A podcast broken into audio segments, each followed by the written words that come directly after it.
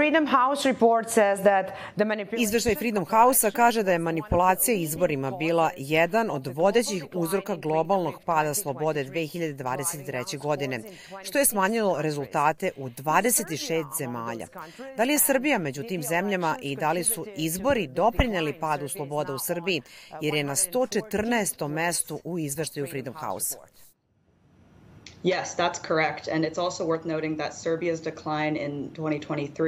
Da, to je tačno. Takođe je vredno napomenuti da je pad Srbije u 2023. i u ovogodišnjem izveštaju bio i najveći pad u Evropi u celini.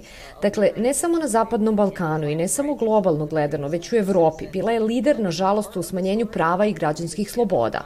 Izbori su deo te priče. Znate, videli smo pad u toj kategoriji zbog neregularnih izbora i mogućnosti da su uticali na rezultate u ključnim izbornim trkama kao što je Beograd.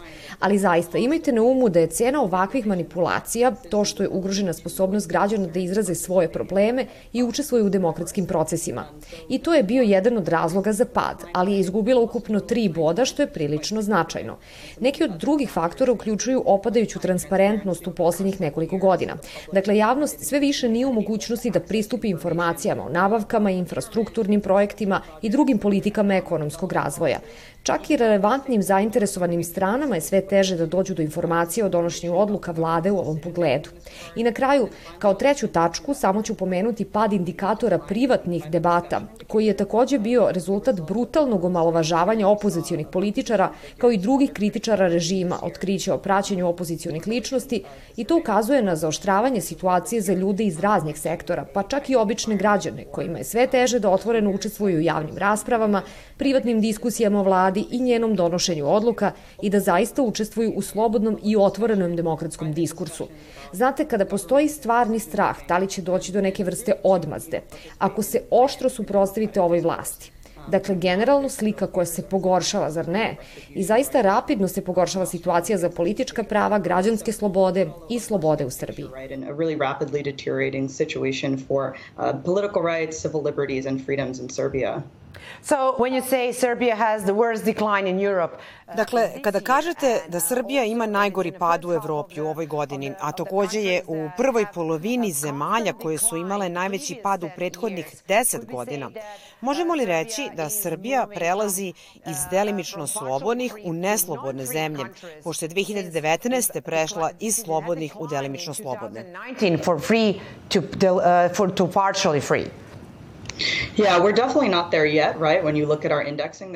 Još nismo tamo. Kada pogledate naše indekse, još uvek ima prostora pre nego što uopšte uđemo u tu kategoriju. I znate, ne želim da spekulišem o tempu kojim će se u Srbiji nastavljati pad, prerano je reći.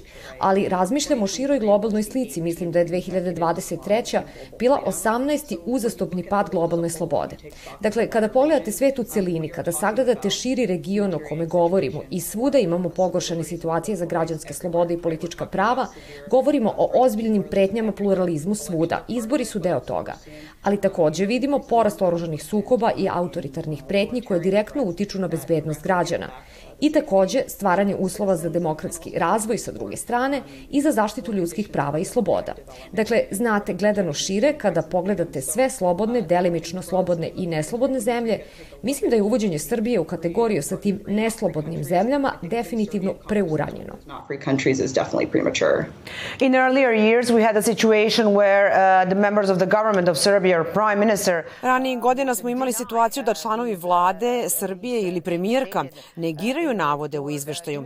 Mislite li da Srbija zapravo vodi računa o kredibilitetu sobstvenog statusa u ovom izveštaju, dok zvaničnici pokušavaju da demantuju stvari o kojima vi trenutno govorite? Mislim da je važna stvar koju treba imati na umu, posebno u ovom izveštaju, da smo zaista zabrinuti za iskustvo građana sa demokratijom. Ne bih želela da spekulišem o tome kakva je odluka vlade u ovom trenutku, jer ono što naš izveštaj dokumentuje jeste stvarni uticaj koji ona ima na građane u Srbiji. Oni se sve više bore da se njihov glas čuje, bore se da učestvuju u osnovnim demokratskim procesima i dodala bih da se bore da dobiju informacije od ove vlade o njenom donošenju odluka. Kada sve ovo saberete, postavlja se pravo pitanje da li će njihova politička prava i slobode biti dodatno ograničene ograničene. Ne želim previše da spekulišem o tome kakav će biti odgovor vlade na sve ovo, jer mislim da je prava priča ovde uticaj na građane i njihova svakodnevna iskustva u zemlji u kojoj sve više vidimo da se prostor za zaštitu ljudskih prava sve više smanjuje, a takođe i slabi funkcionisanje demokratskih institucija. Tako da je ukupna slika, rekla bih, negativna i mi imamo dokaze o tome u izveštaju, ali da zadržimo fokus na građanima koji zaista snose najveći teret ovih posledica report, um, but let's keep the focus on citizens, right, who are really bearing the brunt of these consequences. So how about uh, let's move on to... Da pređemo na Crnu Goru. Da li je zabeležen uspon ili pad u Crnoj Gori i koji su izazovi sa kojima se suočava? Sure. So Montenegro, it's interesting, is actually one of the biggest improvers in Europe this year alongside Czechia. Crna Gora je zanimljiva. Zapravo je jedna od zemalja sa najvećim poboljšanjem u Evropi ove godine uz Češku i dobila je dodatna dva poena. Videli smo poboljšanje u kapacitetu opozicije da skine sa vlasti DPS, koja je decenijama vladala, kao i njen lider Milo Đukanović. Ne treba da zaboravimo da se to desilo na početku i primetno je jer pomera zemlju ka demokratičnijem okruženju. Uočili smo i pokušaje nove vlade da se izvuče iz ustavne krize u kojoj se nalazila godinu dve. Ustavni sud ponovo funkcioniše i to je dovelo do poboljšanja kada je reč o procesima koji se vode. Pomaže da manji broj sudskih slučajeva ostane zaglavljen i da građani brže stižu do pravde. Iako ima još prostora da se napreduje, kada je reč o mogućnosti građana da učestvuju u demokratskom procesu i imaju funkcionalnu vladu, definitivno smo na putu poboljšanja. Mislim da, barem kada je reč o iskustvima građana u ovoj zemlji, vidimo razvoj u pozitivnom sferu u 2023. We can, we can see positive developments in 2023. So Kosovo appears to have shown... Čini se da nije bilo promena u 2023. kada je reč o Kosovu. U kojim oblastima Kosovo pokazuje nazadovanje ili napredovanje?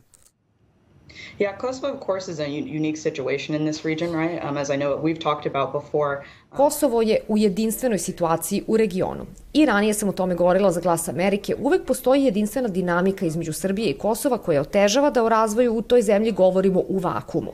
Ono što možemo da kažemo je da iako je Kosovo napredovalo u proteklim godinama, što pokazuju rezultati i kada je reč o zaštiti ljudskih prava i slobode, efikasnim političkim procesima koji podstiču učešće građana, pomoći civilnom društvu da bude aktivnije, sve se to definitivno poboljšalo u prethodnim godinama, ali ova godina je bila zaista teška.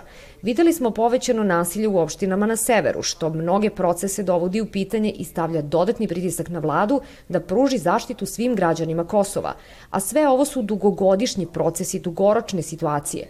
Iako postoje zabrinutosti u vezi sa slobodom medija, bezbednošću novinara, ima mnogo napretka po pitanju poštovanja prava manjina, religijskih prava i Kosovo je u tom smislu lider na Zapadnom Balkanu po pitanju tih važnih demokratskih tendencija.